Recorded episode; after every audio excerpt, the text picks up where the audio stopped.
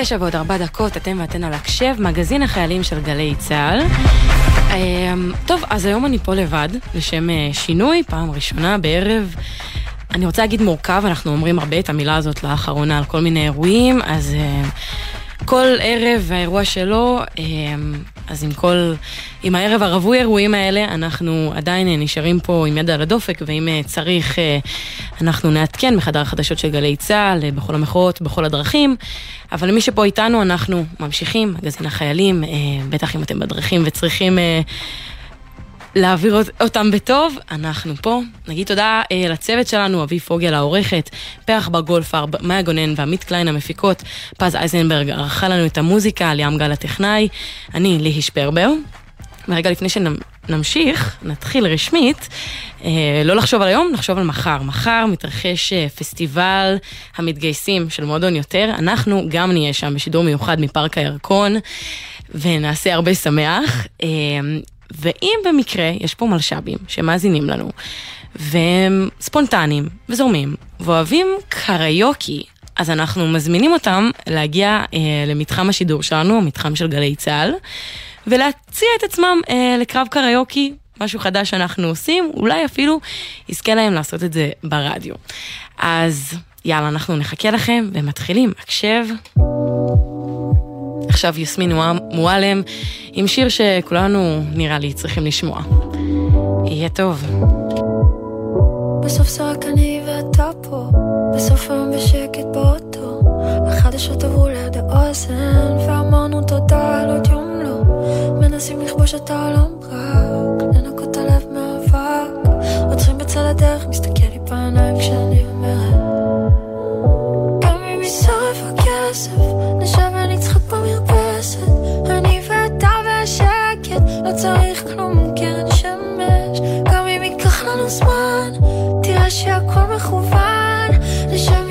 לשולחן, מבטיחה שבסוף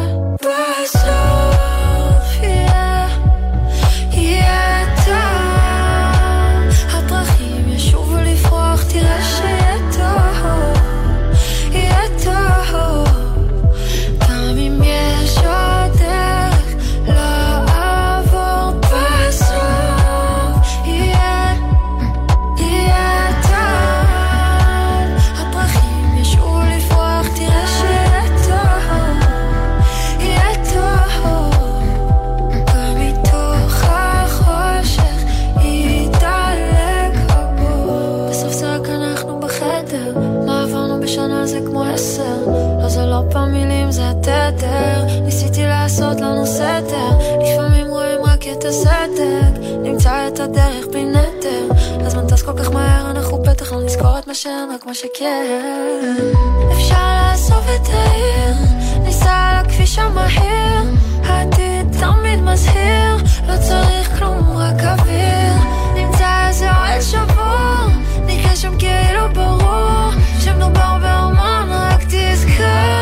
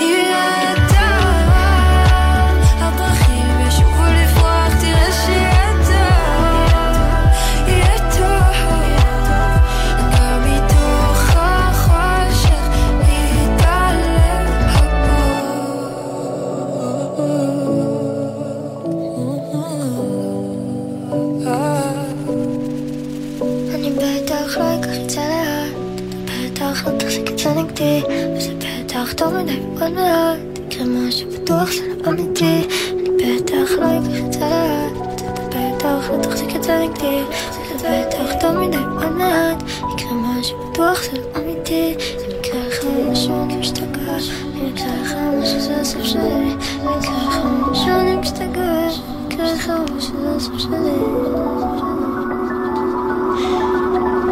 יסמין מועלם, יהיה טוב, ועכשיו אנחנו תשע דקות אחרי תשע. הקשב אה, הראשון שמצטרף אלינו לערב ונדבר איתו, יונתן ניר, אחד אה, מבמי הקולנוע הדוקומנטרי הבולטים בארץ, הוא ידבר איתנו על הסרט האחרון שלו, הקבוצה של אלכס. אז קודם כל שלום, יונתן. שלום לי, מה העניינים? בסדר גמור, אז אני אתן לך לספר לנו על הסרט, אבל קודם כל אני כן רוצה אה, כבר לשאול, אה, אני אגיד את זה שהוא עוסק בפוסט טראומה, ו... אבל מה זה משונה ומה מייחד אותו לעומת הסרטים הקודמים שלך שגם התעסקו בנושא הזה? אה, זה סרט שבעצם אה, עוסק בשני נושאים מרכזיים. אה, הנושא הראשון זה הפוסט-טראומה כתופעה חברתית, לא כמשהו שהוא שייך רק לחיילים או לחיילות, אלא הוא נוגע בכמעט כל ישראלי וישראלית במעגלים ההולכים ומתרחבים. עם הדורות החולפים אנחנו יודעים היום שיש מה שנקרא טראומטיזציה משנית ויש טראומה בין-דורית או העברה בין-דורית והמימדים של הטראומה הישראלית הם, הם בלתי נתפסים, אני מדבר כרגע רק על הטראומה הצבאית. אה, אם ניקח דוגמא את מלחמת העצמאות, אנחנו מדברים על אחוז אחד מהאוכלוסייה שנהרג, זה שווה ערך ל-90 אלף הרוגים היום. רק כדי לסבר את האוזן על איזה קרקע, מתוך, איזה, מתוך מה צמחנו, כן? ואם אתה לוקח מלחמת יום כיפור זה 2,700 הרוגים כמעט, אה, וזה רק בצד שלנו. אה, יש אה, גם את האויבים שלנו, שגם הם פוסט-טראומטיים, וזה משליך על כל החברה שלנו, על כל היחס שלנו אחד לשני, על כל היכולת שלנו בעצם לברוא, ליצור. מציאות חדשה, עתיד אחר, עתיד קצת יותר טוב, אנחנו נעים מתוך הטראומה שלנו, אנחנו פועלים מתוך הטראומה שלנו ולא מתוך מתוך המפגש האמיתי עם האדם שעומד מולנו, וזה קורה לנו ביום יום, אנחנו, את יודעת, נוסעים באוטו, פתאום מישהו מצפצף לנו או חותך אותנו, ודבר ראשון אנחנו כועסים, דבר ראשון עולה לנו איזשהו כעס, איזשהו פחד, איזושהי חרדה, איזשהו... ואם אנחנו נצליח טיפה טיפה לשנות את, ה, את, ה, את התפיסה שלנו, את הפריזמה שדרכה אנחנו רואים את החיים, אני, אני בא מצילום, אני התחלתי... את הקריירה שלי בתור uh, במאי דוקומנטרי, הייתי לפני איזה שנים צלם סטילס. Uh, אז אני מתעסק, אני רואה את העולם דרך מצלמה כבר משהו כמו 20 שנה. Uh, וגם הסרט מאוד עוסק בזה. בדיוק, אז תיקח אותנו לשם, לזה. מעולה, אז הסרט בעצם, חשוב להגיד, זה לא מתחיל ממני, אלא זה מתחיל מאלכס ליבק, האיש היקר, חתן פרס ישראל לצילום. שבמשך אה, כמה שנים טובות לפני שאני בכלל מעורב בפרויקט הזה, דרך אגודת הידידים של בית החולים הפסיכיאטרי לב השרון, מקום מופלא ומדהים עם צוות באמת יקר יקר יקר. אה, אלכס מגיע מהערבה במשך איזה 6-7 שנים, אולי אפילו יותר, ומלמד קבוצת אה, צילום טיפולית בבית החולים הפסיכיאטרי לב השרון, בהתנדבות מלאה דרך אגב. פעם אחת אמרתי שזה בהתנדבות מלאה, אז הוא אמר לי, לא, לא, לא, הם החזירו לי הוצאות נסיעה, אז כאילו, זה, זה ה vibe. זה הבן אדם. זה הבן אדם, וכשהתקשרו אליי ואמרו לי, תקשיב, בוא תעשה, תעשה פה סרט אה, פנימי לבית החולים, אמרתי, אם זה הסיפור, אני בפנים.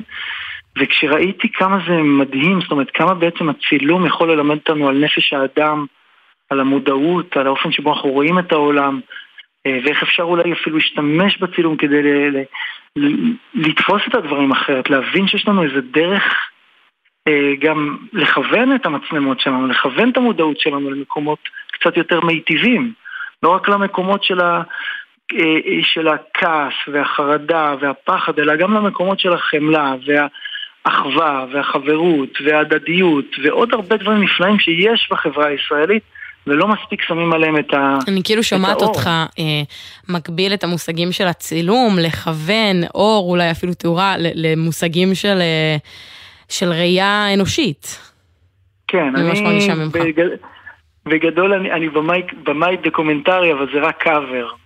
אני חושב שהעבודה שלי ב-20 השנים האחרונות, זה מתחדד לי בשנים האחרונות ממש, בשנה, שנתיים האחרונות. בעצם אני עוסק בעיצוב תודעה מיטיבה אה, באמצעים אודיו-ויזואליים. זאת אומרת, mm-hmm. מאז ומעולם האדם אה, השתמש בדימויים אודיו-ויזואליים כדי, כדי לעצב תודעה, כדי mm-hmm. לדמיין מה ניתן לעשות. את יודעת, סוף מעשה במחשבה תחילה. האדם נמצא איפה שהמחשבות שלו נמצאות. אתה יכול לכוון גם את המחשבות שלך וגם את הדיבור שלך וגם את המעשים שלך. יש לנו שליטה על הדבר הזה הרבה יותר ממה שאנחנו חושבים. הבעיה היא שיש כל כך הרבה טראומות שאנחנו סוחבים, אה, ואני מדבר פה כמובן רק על הטראומה הצבאית, אבל יש טראומות מיניות ויש תאונות דרכים. החיים הם מלאים בטראומות, ואת מה שטראומה עושה לנו זה היא סוגרת אותנו מבחינה רגשית. והיא מכתיבה לנו איזה שהם דפוסי התנהגות, ואז מי שמכוון את המצלמה, או את העיניים, או את האוזניים, מי שעורך את הסרט בראש שלנו, זה לא אנחנו, אלא הטראומה של העבר. וזאת בעיניי אחת הבעיות הכי גדולות היום באנושות, אנחנו לא נותנים לעצמנו את האפשרות בכלל לחלום על עתיד אחר. כי הטראומות של העבר כל כך שולטות לנו בהווה ומכתיבות לנו את העתיד. עכשיו נתעמק בזה עוד רגע, אני רק רוצה לחזור שנייה לסרט, אז זה עסק בעצם אה, אה, באלכס ליבק, במה שהוא עשה. זה מה שהוא מתאר. אז זהו, אז, אז בהתחלה, בהתחלה היה את הסרט הפנימי הזה לבית חולים הפסיכיאטרי ועבדנו בעיקר עם מאושפזים במקום והבנו שאי אפשר לעשות מזה סרט מסחרי בגלל כל מיני בעיות אה, בירוקרטיות, מסחרי אני מתכוון ציבורי, פתוח, פומבי, כן? Mm-hmm. ואז אמרנו, טוב, בוא נכנס קבוצה מיוחדת, שאלכס ילמד אותם צילום יחד עם דוקטור אדי דורון היקר ועם אה, הפוטותרפיסטית הנפלאה אה, אסי האוס, והם בעצם הצוות, ואנחנו אספנו קבוצה של ארבעה גברים וארבעה נשים, וארבע נשים, שבכולם אה, הפוסט-טראומה הישראלית נגעה, יש שם אימא של פוסט-טראומטי, אישה של פוסט-טראומטי, ילדה של פוסט-טראומטי מיום כיפור, שזה נושא שעולה מאוד עכשיו בתקופה האחרונה. יש שם לוחמת אישה, מתי שמעת לוחמת אישה תצפיתנית שפותחת ככה את הלב, מספרת על, על, על מה שהיא עברה ועל הפוסט-טראומה שנותרה בה. למרות שהיא לא נכנסה עם הכוחות הלוחמים. את יודעת, פוסט-טראומה של אדם שהיה בקרב ופוסט-טראומה של ילד בשדרות, להפך, הילד בשדרות הוא הרבה פחות אה, מוכן ומוגן וחסין בפני הטראומות שהם עוברים שם. כמובן לא רק שדרות, זה יכול להיות גם עלי וזה יכול להיות תל אביב. אנחנו מעצמה של טראומה, מעצמה של פוסט-טראומה, ואני מקווה שמה שהסרט הזה מראה שאנחנו יכולים גם לצמוח מתוך הדבר הזה ויום אחד גם להפוך למעצמה של צמיחה פוסט-טראומטית. בהקשר הזה חשוב לי להגיד משהו. הצמיחה הפוסט-טראומטית זה לא משהו שאני המצאתי, זה מושג שנתבע פעם ראשונה בשנת 1996, מחקר של שני פסיכולוגים מאוניברסיטת נורס קרוליינה.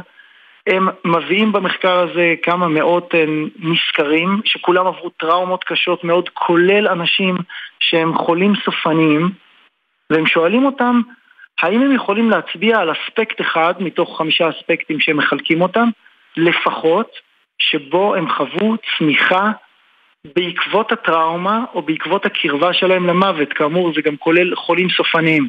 התוצאה שהם הגיעו אליה זה ש-89% מהנסקרים אמרו שכן, שהם הרגישו שהם צמחו באספקט אחד מהאספקט, מהחמישה האספקטים האלה, בעקבות וכתוצאה מהטראומה שהם עברו מהקרבה למוות. יש לך דוגמה מקבילה למשהו כזה מהסרט? מהאנשים, אה, מהארבע נשים או ארבעה גברים מהסרט? משהו שאתה יכול לתת לנו? חד משמעית. קודם כל האנשים האלה נבחרו, האנשים והנשים האלה נבחרו בקפידה, לא סתם ארבע וארבע. יש לנו איזו תפיסה לגבי פוסט-טראומה, שזו תופעה של גברים, זה לא תופעה של גברים, למעשה לנשים יש נטייה יותר גבוהה אה, אה, ללקוט בפוסט-טראומה. אבל שוב צריך לציין דבר אחד, תראי, פוסט-טראומה זה שורה מאוד מאוד רחבה של תסמינים. חלקם תסמינים קשים, אה, פלשבקים וסיוטים ודברים קשים, ואנשים שבאמת צריכים לקבל את כל התמיכה מכל אחד ואחד מאיתנו וממשרד הביטחון ומה שצריך. אבל יש גם תסמינים הרבה יותר מינוריים, כמו למשל ראייה פסימית של החיים. האשמת העצמי והאשמת האחר, כעס, אה, פחד, חרדה, אה, יש אה, תסמינים שהם הולכים לכיוון של קהות רגשית. עכשיו, איזה ישראלי שאנחנו מכירים ושמים עליו את היד, בטח ובטח בתקופה הזאת, בטח אחרי הקורונה, חוסר אמון. חוסר אמון זה גם אה, חוס, תחושה של חוסר שייכות. כל הדברים האלה, אתה מסתכל רגע על החברה הישראלית ואומר, מי, מי מאיתנו לא, לא עונה לאחד מהקריטריונים האלה, לאחד מהסימפטומים האלה. בתוך הקבוצה הזאת יש אנשים ש... ברמה כזו או אחרת של הכרה, רק שניים מהם מוכרים על ידי משרד הביטחון, אבל הם גם הם בעצמם לא לגמרי מכירים בתחילת התהליך אה, בעצמם חלקם, חלקם כן, ולאט לאט, תוך כדי התהליך, הם מבינים יותר טוב מה זה בכלל אומר פוסט-טראומה, איך המכניזם של התופעה הזאת עובד, וכל אחד מהם כמעט יכול להראות שם דוגמה לצמיחה, אם זה רמי, לדוגמה, שיש לו קבוצה שנקראת רצים עם רמי, פוסט-טראומטי קשה, קשוח, ממלחמת אה, לבנון הראשונה, מהחבר'ה שלא הוכרו בזמן ולא טופלו בזמן, והוא רץ היום עם מאות רצים בכל שבוע בירושלים ובתל אביב. יש שם את אה, אה, בוסמת למשל, שהקימה את, יחד עם עוד חברות, את להאיר את הבית, שזו יוזמה ברוכה, 50 שנה אחרי מלחמת יום כיפור. המפקדים של יום כיפור לוקחים את הפוסט-טראומטיים של יום כיפור ואת הילדים שלהם תחת חסותם, והילדים מתכנסים ומדברים על מה זה לחיות עם אבא פוסט-טראומטי. יש לנו שם אה, אה, את אה, יאיר ואלר שהוא צלם שלקח את זה לכיוון של צילום וקולנוע ויש את כל אחד, יש את גלעד ויטל שמעון משותי הנבואה שלקח את זה לכיוון mm. של מוזיקה, הוא גם עשה את המוזיקה בסרט. ממש לכל אחד מהם יש את היוזמה שלו. וכל אחד, בכל אחד מאיתנו, בכל אחד מאיתנו יש את פוטנציאל הריפוי. אף אחד לא ירפא אף אחד אחר, זה חשוב לי להגיד. אני בעצמי... זהו, ואתה אה, יודע, אני בדיוק באתי, להגיד, אני רוצה לשאול אותך גם על זה, כי אה, גם אה, אתה בעצמך אה, מתמודד עם פוסט-טראומה, וגם זה בא לידי ביטוי בסרטים שלך. ולי זה מרגיש אה, כמו איזשהו סרט בתוך סרט, אתה מדבר על, ה, על הצילום אה, אה, שהוא תרפי, שאתה מצ, מתעד אותו ואתה תוך כדי מתעד, ואת מרגיש שאתה בעצמך עברת איזשהו תהליך בשרשור הזה? תמיד, אנחנו בתוך תהליך תמידי, את יודעת, אנחנו אה, אבולוציונים, אנחנו כל הזמן משתנים, השינוי הוא הדבר הכי קבוע בחיים. אה, מה שקורה כשאתה מתחיל להחזיק מצלמה, אתה מתחיל להיות מודע הרבה יותר לכוח שלך, אה, או שלך, לכוון את המודעות למקום הנכון. כשאתה מצלם, אתה חייב להיות נוכח ברגע. אתה חייב להיות ממוקד, מפוקס, אתה חייב לשאול את עצמך, מי זה מצלם? מי, מי זה האני הזה שמצלם? מי זה האני הזה שחושב? מי זה האני הזה שמגיב? מגיב בכעס כלפי מישהו שאמר לי משהו, אתה יודע, אני אתן לך דוגמה. קטנה, קטנה, קטנה. כן. יום אחד לפני כמה זמן ישבתי באיזה בריכת שחייה, פתאום בא איזה בן אדם, היו כמה ילדים ערבים בתוך המים ששיחקו וצעקו. ואז הוא קם ואמר אה, לאשתו, אני לא יכול לסבול את זה יותר, זה מחזיר אותי לכעס בה בשכם. והלך הביתה. עכשיו, הילדים האלה בסך הכל צעקו בערבית, האיש הזה לא היה אגרסיבי כלפיהם, לא עשה שום דבר רע. אבל הוא הלך הביתה עם תחושה מאוד מאוד גדולה של תסכול, בלי בכלל להבין שיש לו סימפטומים מדהימים של פוסט-טראומה שגרמו לו לתחושה לא נוחה בגלל השפה הערבית. זה נקרא, זה אחד הסימפטומים של פוסט-טראומה, זה הימנעות. אנחנו נמנעים ממה שיכול לעורר בנו את הטראומה, אז אנחנו בורחים מקהל גדול, אנחנו חושבים פעמיים לפני שאנחנו הולכים, אתה יודע עד כמה אנשים אומרים לי, אני חושב פעמיים עד היום לפני שאני נוסע קרוב לאוטובוס mm-hmm. של דן או של אגד. כי הוא היה כאן בשנות כן. ה-90 כמוני, והוא זוכר מה היה פה. ואם הוא לא זוכר, אז הטראומה מזכירה לו באופנים שהוא בכלל לא יודע, וזה משפיע על החברה שלנו כל כך עמוק. אני, הניסיון בסרט הזה, וגם בהרצאות שאני מעביר בהקשר הזה, בכל מיני מקומות, זה לבוא ולהגיד, יש דבר שנקרא צמיחה פוסט-טראומטית, כל המיתולוגיות, כל הסיפור האנושי, לכל אורך ההיסטוריה, תמיד הגיבור עובר דרך טראומה, דרך שכול, mm-hmm. דרך כאב, דרך קושי כדי לצמוח. גם לנו כחברה יש את הפוטנציאל לעשות את זה ולהיות הכי טובים בזה בעולם. כן, אמרת מקודם, אה, משפט מאוד נכון, ממש נחקק בי, אנחנו מעצמה של פוסט-טראומה, וטוב שיש היום את המודעות גם אה, לדברים כאלה. המושג הזה, צמיחה פוסט-טראומטית, לקחנו. אנחנו פשוט קצרים בזמן, אז תודה רבה לך. יונתן ניר, אה, במאי הסרט, אה, הקבוצה של אלכס. באהבה גדולה, ודרך אגב, הסרט רץ עדיין בקולנועים ברחבי הארץ, כנסו לאתר יונתניר.קום, אה, או שתחפשו בקולנועי לב או בסינמטקים, ואנחנו שמה, ואני תמיד מגיע ומדבר עם הקהל, וזה הולך ו... אפשר לשמוע. לאט לאט זה יהדהד, ואני מקווה שיביא פה הרבה שהרבה טוב יקרה, ייווצר מתוך ה... את יודעת, הצמיחה הזאת. משבר ב, ב, ב, במקורות שלנו, זה אמן, כיסא היולדת. אמן. כיסא תודה היולדת, רבה. אז בואו יונתן לזה. יאללה ביי. להתראות. אנחנו אה, מגיעים עכשיו לפינה שלנו שמטרתה לתת את הבמה לחיילים וחיילות יוצרים, שירה מהשמירה. היום סמל ראשון עומר הלמן, שהוא חובש מחקר בענף הרפואה המבצעית, וגם מתופף בלהקת גרשון פרוג'קט, אה, נשמע את השיר שהוא העביר אלינו, Awakening. שירה מהשמירה, הבמה לחיילים כותבים. Driving to the desert for a weekend escape. I got six six packs now. Let's rewind the tape. Got slammed pretty hard. Still a long night. Took a strange little pill and now I'm feeling alright. Say oh.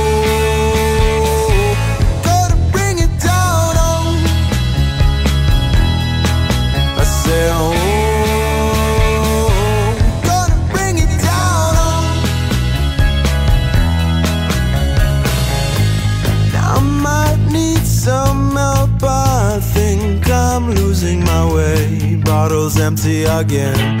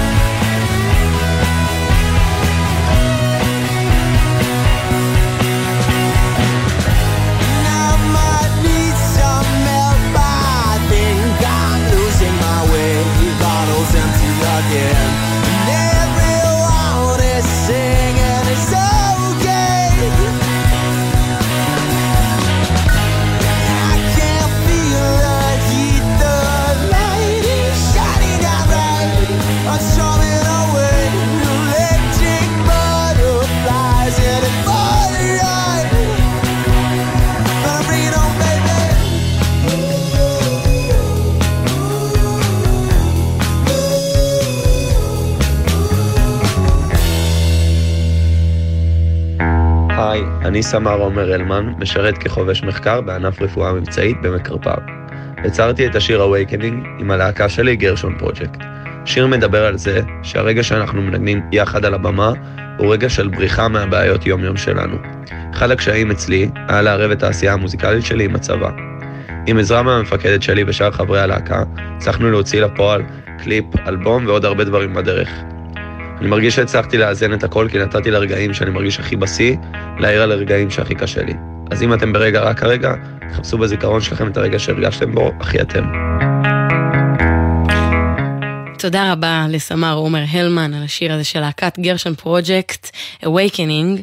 אם אתם גם חיילים, חיילות, כותבים, יוצרים, מנגנים, ואתם רוצים שנשמיע כאן בתוכנית את היצירות שלכם, אנחנו יותר מנשמח, אתם מוזמנים לפנות אלינו במייל שירה.מהשמירה, כרוכית, glz.co.il, או באינסטגרם, גם אנחנו שם, שירה.מהשמירה. אנחנו יוצאים לכמה הודעות קצרות, והקשב כבר חוזרים.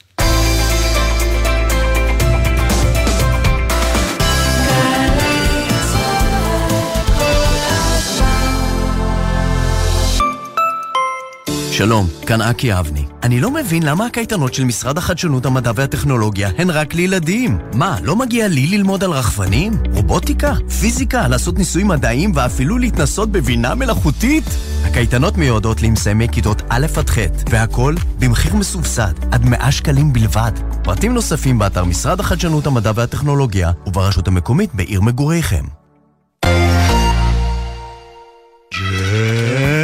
ג'ם, ג'ם, ג'ם, ג'ם, ג'ם, ג'ם, ג'ם, הג'ם, ג'ם, ג'ם, ג'ם, ג'ם, ג'ם, ג'ם. הג'ם של קוטנר. בכל חמישי יואב קוטנר מארח את האומנים הכי מעניינים להופעה חיה באולפן. והשבוע פונץ' ורבע לאפריקה. הג'ם של קוטנר, עכשיו ביוטיוב של גלגלצ. וביום חמישי בשתיים בצהריים בשידור בגלי צה"ל. יא.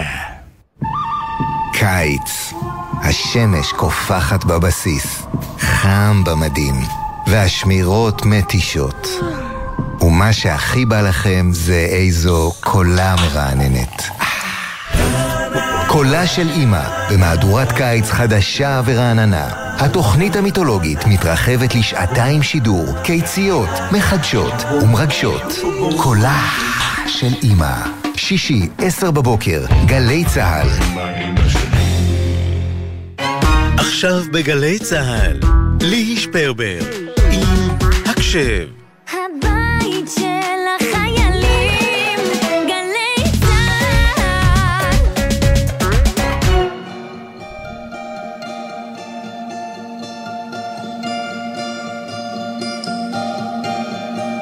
Walking on the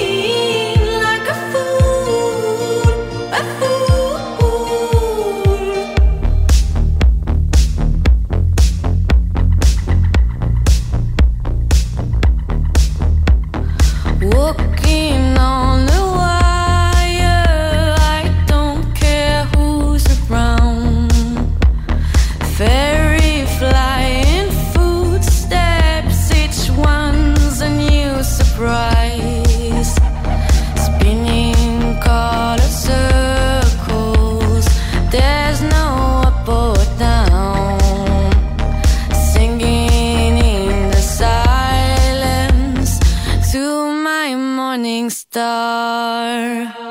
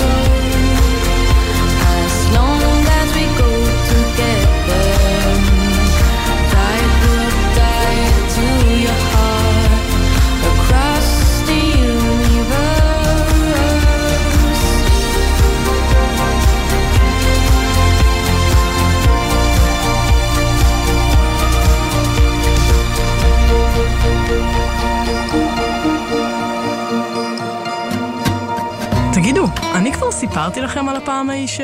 המשפחות שלהם שמעו כבר אלף פעם. עכשיו תורכם. השנה אנחנו אה, נציין 50 שנה למלחמת יום הכיפורים, ופה אצלנו במגזין החיילים של גלי צה"ל הקשב, אנחנו בחרנו להשמיע ולהביא לכם אה, סיפורים מהמלחמה בגוף ראשון. היום אני אה, זוכה לשוחח עם סגן אלוף במילואים גילי פלד, ששירת במלחמה כקצין מבצעים בגדוד 77. שלום. ערב טוב. ערב טוב. אז אה, אני מרגישה שמלחמת יום הכיפורים, כשיש בה את המאפיין הכל כך חזק של הפתעה, הדבר הראשון שנשאל זה איפה ההפתעה הזאת תפסה אותך. איפה אתה היית? הייתי יחד עם המג"ד שלי, קהלני, בכניסה קהלני. למחנה נפח, אביגדור קהלני, בכניסה למחנה נפח, לקבוצת פקודות שהייתה אמורה להתקיים בשתיים. בשעה שתיים. Mm, השעה שבה... בחמישה לשתיים התחילה ההפגזה ותפסה אותנו ממש ב... על הגדר. ומתי נפל האסימון שזה, שזה משהו גדול? לא עוד איזה יום קרב או שיש פה מלחמה. אה, זה היה תהליך, אבל אני חושב שהתמונה הראשונה שנחרטה אצלי, ואחר כך הבנתי שגם חבריי היו תחת אותה חוויה, הייתה כשעברנו ליד עין זיוון, שהופגזה קשות, הרפת של עין זיוון הייתה ליד הכביש, וראינו את הפרות ההרוגות, הפצועות, והתמונה הייתה לא נעימה, בלשון המעטה, ו... ו- זו הייתה התמונה הראשונה שהבנו ש... על מה מדובר. מהמם. בהמשך זה התפתח יותר. זהו, אז באמת, גדוד אה, 77 היה הראשון שנכנס לסוריה. תיקח אותי לרגעים האלה אצלכם, אתה גם אמרת, אביגדור קהלני המג"ד שלך, עובדים אה, צמוד ברגעים המתוחים האלה. כן. אה, הפריצה לסוריה היא הייתה אחרי שגמרנו לבלום את הסורים ולהדוף אותם. אה, ואז קיבלנו את את הזכות להיות הגדוד הראשון שפורץ בגזרה הצפונית. היו שתי פריצות, אנחנו היינו בגזרה הצפונית, ופרצנו לסוריה ועברנו דרך מחנות אני לא אלאה אותך בשמות, אבל הגענו עד למזרת בית ג'אן, שנמצאת פחות מ-40 קילומטר מדמשק. כמה זמן רצוף בתוך הטנק? אתה יודע להגיד לי? אה, מתחילת המלחמה ועד תום הכיבוש המובלעת. אה, שבועיים? וואו. וכל הזמן הזה אתה בעצם היית אה, קצין מבצעים, שזה אומר להיות הבן אדם החמישי בטנק. אם אה, הוא מורכב אה, עבור ארבעה, אז אתה היית לצד אה, אביגדור קהלני החמישי, נכון? כן, הייתי משמאלו, מעל הטנק השער, טנק מקום צפוף, לקצין המבצעים יש אה, קופסת קשר, והוא מתחבר לקשר גם, ועומד שם באלכסון. בצפיפות הזו, במתח. אה, כל הקונסטלציה הייתה לא, לא רגילה, בלשון המעטה. ואיך זה היה לעבוד עם אביגדור קהלני, אנחנו מכירים אותו מהתקשורת, אבל לעבוד אחד על אחד מקרוב, וברגעים האלה ספר לנו קצת אה, על העבודה איתו. לחימה איתו. אביגדור קהלני הוא משהו מיוחד. אני, אני, אני דווקא אספר לך את זה מכיוון אחר. אחיו של אביגדור נהרג בדרום, ואחיו הצעיר היה מילואימניק, ואחיו הצעיר היה איתנו בגדוד, איש חימוש. את האח הצעיר פינו כמובן למשפחה, והמח"ט, יאנוש, נתן לאביגדור להמשיך ולהוביל את כל הפריצה לסוריה כשהוא יודע שאחיו כבר נהרג כי התחושה הייתה שאם הוא יוציא משם את uh, אביגדור, אביגדור היה אבן הראשה של הגדוד, זה היה, זה מה שהחזיק את, ה, את הגדוד.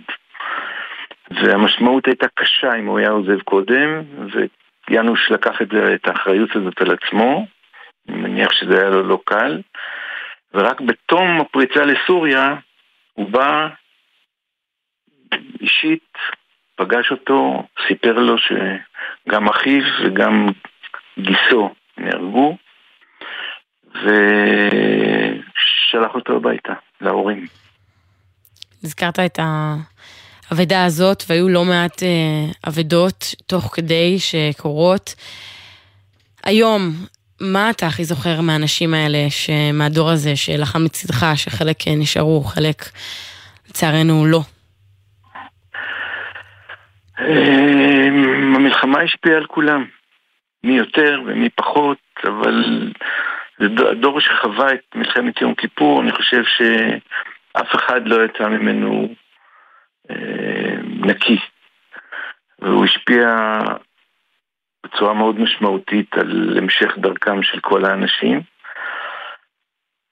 את ההרוגים זוכרים בגעגועים רבים, אבל אין מה לעשות.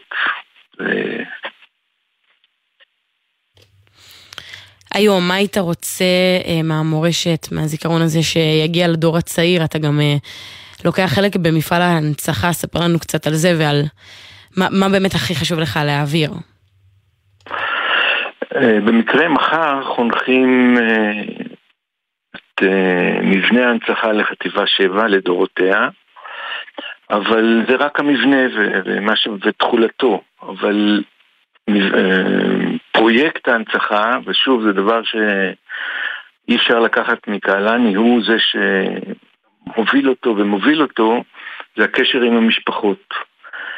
כל שנה המשפחות היו נוסעות ובאות, בהתחלה זה היו ההורים, היום זה כבר הדור השלישי, חלק גדול מההורים כבר לא יכולים להגיע, ונפגשים באנדרטה של גדוד 77 בעמק הבכה, וזה מפגש מאוד מרגש, ושמירת הקשר עם המשפחות היא מאוד משמעותית גם ללוחמים וגם למשפחות כמובן. וברמה האישית אצלך, אה, אנחנו מציינים עכשיו 50 שנה, שומעים את זה מכל מקום, מה התחושות שמתעוררות אצלך בחלוף הזמן? אמ, אני חושב שהמלחמה הזאת, אחד הדברים, שהחותם שהשאירה באנשים זה ההבנה שלא תהיה להם יראת מלכות. זאת אומרת, לא מקבלים דברים for granted, בגלל שהם נאמרו, כך יהיה. ראינו את צמרת הצבא, ראינו את צמרת המודיעין, ראינו את הכושלת, ואנחנו אלה ששילמנו את המחיר ו... ונאלצנו לעשות את התיקון הגדול. וזה דור שלא מקבל את הדברים רק בגלל שהם נאמרו, או רק בגלל שבר סמכה אמר אותם, הוא רוצה גם להשתכנע, הוא רוצה להבין, הוא לא רוצה, הוא לא מקבל את זה שיש איזה משהו שהוא סוד והוא לא יכול להבין, מה שלא נראה הגיוני לא הגיוני. מה שלא נראה נכון, צריך לבחון ולהשתכנע. ואני חושב שאת התוצאה אפשר לראות היום, שעם כל מה שקורה בארץ היום, מי שהוביל את זה, מי שפתח את זה, זה דור כיפור. תודה רבה לך, סגן אלוף במילואים, גילי פלד, ששוחחת איתנו. כל טוב.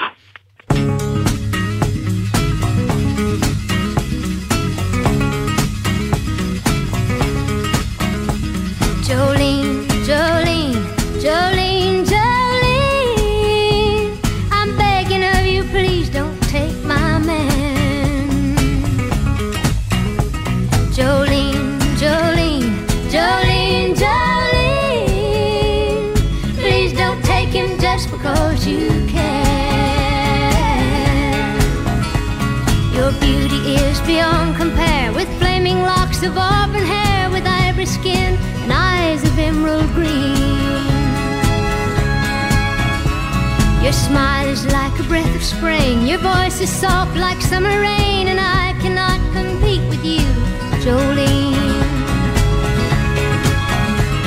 He talks about you in his sleep, and there's nothing I can do to keep from crying when he calls your name, Jolene.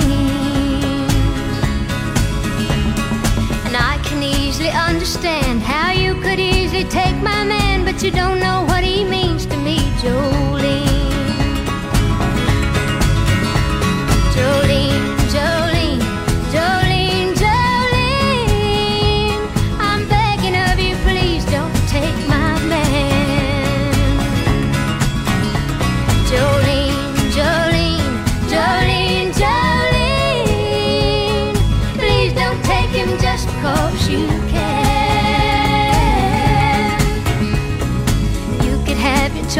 Men, but I could never love again. He's the only one for me, Jolene. I had to have this talk with you. My happiness depends on you and whatever you decide to do. Jolene,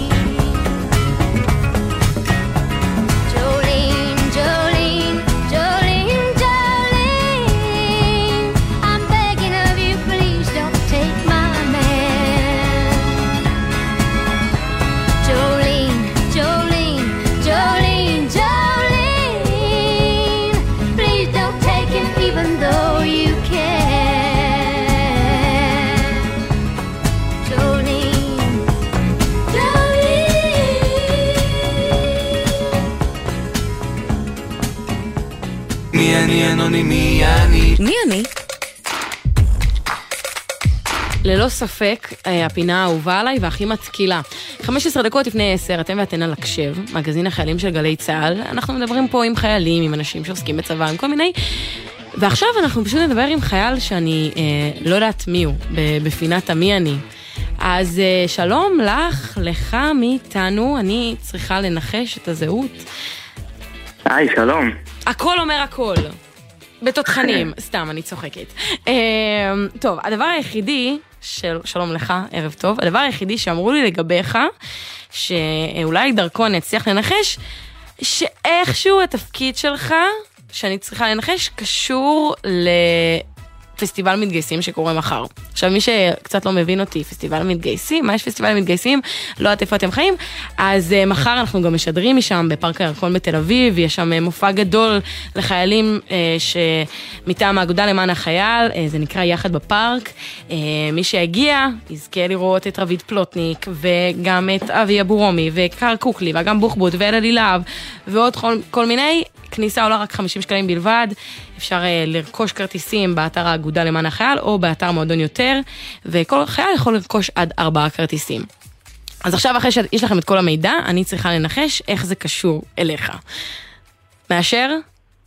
מאשר לגמרי. האם כל הפרטים שאמרתי עכשיו קשורים לתפקיד שלך? כאילו אולי זה, אתה חלק מהארגון, משהו, כאילו, זה היה מוכר לך כל מה שאמרתי? כן, קשורים, קשורים. אוקיי, יש לך... אני אבודה ממש. אמ, אתה קשור למתגייסים? אתה קשור למיטב? לא. אוקיי, אתה קשור לחלקים אומנותיים בערב? אה, כן, אפשר להגיד. אתה עומד להיות על הבמה? כן. אני, יפה, אני נכון. נחשה. אני, לא, אני מסתכלת על המפיקות מבעד לזכוכית האולפן. אמ, האם אתה, אה, אתה כזה, אתה סלב, אתה עושה איזה תפקיד כזה, מסך טיק טוק, אה, רחוק מזה. סטנדאפיסט? אה, לא? רחוק מזה. לא. אתה, אז איך תגיע לבמה? אמ, מה, זה, זה, איך- זה קשור, אה, לא יודעת, נרשמת מספיק מראש? משהו כזה, כאילו? אתה מעריץ? מעריץ, הגרלה? ברור, אני מעריץ אותו לגמרי. קרוב, זכית בהגרלה? אפשר להגיד. אוקיי, וזה קשור לתפקיד שלך? ההגרלה? זה היה פתוח לחייל מסוים? לא, לא. אתה עולה כי זכית בהגרלה, כי אתה מעריץ שרוף של אבי אבורומי. באיזה גדוד בצה"ל שומעים הכי הרבה אבי אבורומי? אה, אני רוצה להגיד שמשון. אתה... רגע, מה, אני, אני נכונה? זה, זה, כאילו, אני צודקת? זה קשור לאבי אבורומי? לא, לא, לא. לא. אני אתן לך, אני אכוון אותך טיפה, זה קשור יותר למופיע המרכזי של הערב. אז רביד פלוטניק. נכון. אנחנו לא רוצים אה, לפגוע באף אחד, כל אומן והמקום שלו, אוקיי, אז אה, באיזה גדוד בצה"ל, אני כבר מבינה לפי איך שזרמת איתי שאתה קרבי. נכון. אוקיי, אז באיזה גדוד בצה"ל שומעים הכי הרבה רבית פלוטניק? נראה לי בכל גדוד. אפשר להגיד, כן, בכל גדוד. מה, גם בגדוד שמשון? אה, לא מכיר אישית את גדוד שמשון, אבל מניח שכן. אבל ניסיון יפה. אמ, זה משהו, אוקיי, אני אנחש, אה, אתה- בתוך אה, טנקים? הייתי בתוך טנקים, אבל זה לא- לא עוסק בטנקים. אמ, אני אשאל ככה, באיזה שלבים בשירות, באיזה נקודות רביד פלוטניק ככה ליווה אותך? ש... אה. אה, היה לי מסלול שנה וחודשיים. זאת אומרת, כל ההכשרה אה, היא הייתה שנה- וחודשיים, אז אה, היה הרבה נקודות קשות, שככה מלמלתי שירים שלו. אז אפשר להגיד שבנקודות שיא ככה הייתי ממלמל שירים שלו. בנקודות שיא. מסלול אה, הכשרה של שנה וחודשיים אמרת? נכון. וואו, זה, זה יחידה מיוחדת? משהו כזה? זו יחידה מובחרת. סיירת? נכון. שקשורה ל... איזו אז סיירת? בגלי צה"ל יש לנו שיר מיוחד לסיירת. חרוב? לאיזה סיירת יש שיר? יפה. יא, הצלחתי! לא האמנתם בי, מפיקות מסתכלות עליי מעבר ל... אז אה, רגע, אז בוא עכשיו אה, ספר לי, עליתי על התפקיד, אה, לוחם בסרט חרוב. נכון. אז תיתן לי קצת יותר פרטים, דרגה, שם. ארגלית אהובה, אה, אז שם. שוקולד, דברים בסיסיים. תות? מי אוהב ארגלית תות? מה? אני, כאילו, זה הכי בסיסי. אני מאוד אוהבת ארגלית תות, אה, זה כמו שוקולד תפוז. וגם אוהבת שוקולד תפוז. עלית על... בסדר, אבל כשנעשה מי אני עליי, אז אה, אני אתן לך את כל הפרטים המוזרים האלה. אה, שוט אה, אדון. אני סמ"ר סמ"ר ראשון, כבר קרוב לשחרור, עדי רמר. כמו. שאמרתי, משרת בסיירת חרוב, גייסתי בנובמבר 20. אה, וזהו, ואיך אני קשור להופעה ולהופיע עם רביד? הוא עשה הגרלה כזאת, זה לא בדיוק הגרלה, זה יותר תחרות, שמי שמעלה סטורי עם אה, השיר, איזשהו שיר ש... של רביד שבעצם צריך לשיר, ומי שישיר הכי יפה, יעלה איתו להופיע בבמה. אז אני עשיתי כזה משאפ, חיברתי איזה חמש שירים, והוא ראה את זה וממש אהב, ובחר בי להופיע איתו, אז כבוד גדול. וואו, זה באמת מרגש, זה, זה, זה לא סתם אה, אומן. ואז, אז עכשיו אני רוצה שתענה לי באמת על, אה, על המוזיקה ואיפה זה ליווה אותך במהלך המסלול שלך, ספר לנו עליו קצת. תן לי אנקדוטות של אה, המסלול, הטירונות, ההכשרה עם השירים, בוא נגיד את זה ככה. או, יפה. אז uh, הטירונות הייתה בבאח כפיר, זה ארבעה חודשים טירונות ועוד שלושה חודשים של אימון, אימון מתקדם, שזה הכל נמצא בבאח כפיר. Uh, שזה מאוד דומה ל, כאילו לכל הגדודים של כפיר, אנחנו פחות או יותר כזה עוברים את אותו הדבר. uh, וגם עוד כאילו בשבוע הראשון אני זוכר שאמרתי מה אני אביא גיטרה לטירונות וזה ולא מתאים. ובסוף הבאתי והגיטרה לא החזרתי אותה כאילו עד היום הביתה היא עדיין שמה זה כזה גיטרה, גיטרת אה, בסיס. ואני זוכר שתמיד כאילו הייתי מנגן עם החברים, שירים. אה, רביד כמובן תמיד הייתי מנגן. אה, היה איזה חבר ש... שנפרד מ... מחברה וניגנתי לו את אה, בלוז הלב השבור ככה. אז אה, תמיד זה כזה ליווה אותי. אה, וזהו, ואחרי המסע כומתה, סיימנו את הטירונות, סיימנו את האמון המתקדם, עוברים לבית הספר. זה כאילו הבית ספר של הסיירת, שזה עוד שבעה חודשים של מסלול, שזה החלק היותר אה, מאתגר אפשר להגיד, אה, פיזית, מנטלית, הכל. אה, ואחרי שסיימתי שנה וחודשיים, אה, יש לנו הר שאנחנו מטפסים, קוראים לזה סרטבה, שזה, אנחנו כזה מחזיקים ידיים בטיפוס, כי זה ממש אה, תלול, וזה ממש נקודה לגמרי מרגשת. אמ, וזהו, סיימתי, סיימתי את המסלול, קיבלתי סיכה, ארבעה חודשים הייתי מפקד, רק טירונים. שם האמת פחות ניגנתי. כי צריך אה, לשמור על distance, אז לא פתאום רואים את המפקד עם גיטרה. גם לא היה לי, וגם לא היה לי שנייה לנשום, כי זה תפקיד מאוד מאוד אה, דורש. כן, ברור, ברור. אבל זה היה כיף אה, מסוג אחר לגמרי. וכשסיימתי את התפקיד והגעתי ללוחמים, עליתי לקו ג'נין, ששם עשינו פעילויות אה, באמת מטורפות, דברים ש... שאני לא אשכח, אה, וגם שם הייתי מנגן הרבה, אמ, וזהו, זה תמיד ליווה אותי, כל המוזיקה, כל האווירה הזאת של אה, לשבת עם אה, כוס קפה ולעשות איזה, איזה ג'ם ככה. זה היה לי, זה כאילו הרים לי את השירות כזה. כוס, אה, אני לא רוצה לעודד אף אחד לדברים לא טובים, אבל כוס קפה וסיגריה, הנה, ממילות השיר. לא, לא מעודדים אף אחד לעשן, אבל אה, רביד זה רביד.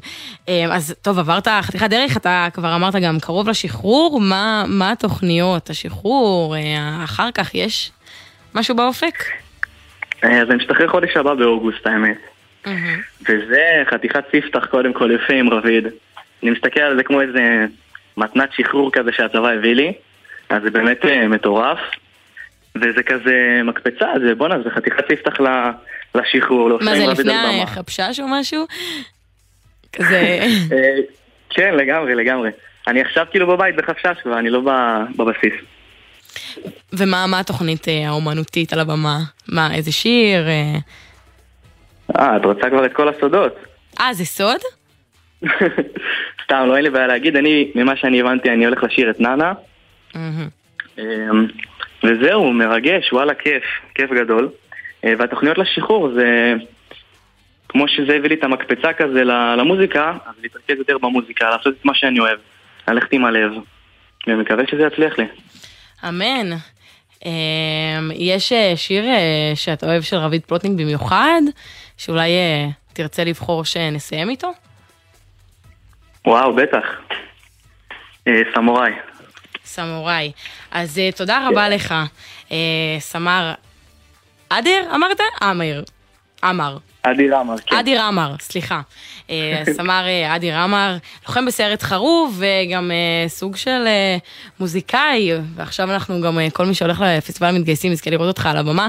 מטורף, מטורף, מטורף, אה, מגניב, והצלחתי לעלות על זה, אז גם נקודה לי שהצלחתי בסוף. גם די מהר. כן. תודה רבה. אה, אני אגיד אה, תודה, אנחנו כבר אה, ארבע דקות לפני עשר כמעט מסיימים. אבי פוגל ערכה לנו את התוכנית, פרח בר גולפר, מאיה גונן ועמית קליין המפיקות, פז אייזנברג ערכה את המוזיקה על ים גל הטכנאי, אני לי שפרבר, ועכשיו, כמו שאדיר ביקש...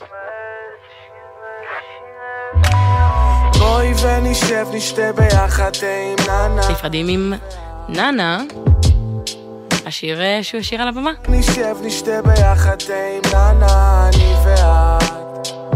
בואי ונוריד את הפאניקה.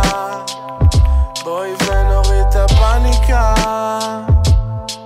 כפרה בואי ונשב נשתה ביחד תה עם ננה אני הבאתי ג'ינג'ר ולימון וגם דבש וגם קורקום שמחה גדולה. ויש שקדים ואגוזים וגם יש מרק עם חייל ברמה גבוהה. היי, בא לי לתת לך את כל מה שיש לי לתת. בא לי להגיד משפטים חכמים שאפשר לצטט. כפרה לקחתי את עצמי בידיים, אני לא מחרטט. וכבר תקופה ארוכה נשבע, אני לא מפלרטט, מחפש את הבסט של הבסט אפשר להגיד מילים כגון מחד גיסה או לשבת ולשמוע יחד הריסה. יש לי טבק מגולגל, את חדה וחכמה, אני דביל והגלגל. בואי ונשב נשתה ביחד תה עם אני ואת. יאללה בואי ונשב נשתה ביחד תה עם אני ואת. בואי ונוריד את הפאניקה בואי ונוריד את הפאניקה. כפרה בואי ונשב נשתה ביחד תה עם ננה, אני ואת.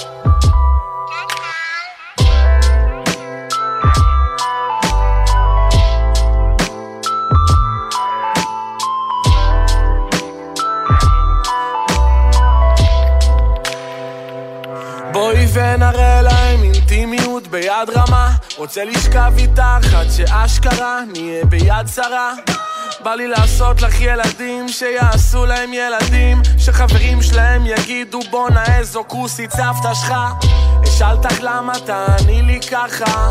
אני אפליץ ואת תגידי לי טייל אוכלת קקה. את תגידי אוי כפרה שלי כל הזמן הזה הייתי לבד ואני אענה לך חה חה חה חה חה חה. מילים גבוהות אני מתוחכם כזה. תגידי, יש לך מכנסי חלל? לא, למה? כי התחת שלך לא מהעולם הזה. נוריד בגדים ונעשה בלאגן. אני אעשה לך טיול מאורגן.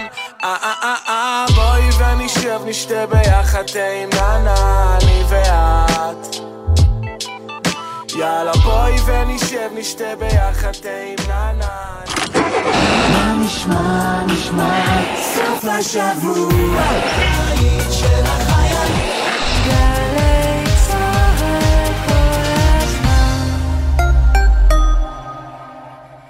אז מה התוכניות שלכם לשחרור? לי יש תוכנית לטייל. לי יש תוכנית להתחיל לעבוד. ולי יש תוכנית לוחמים להייטק. באמת? אפשר גם?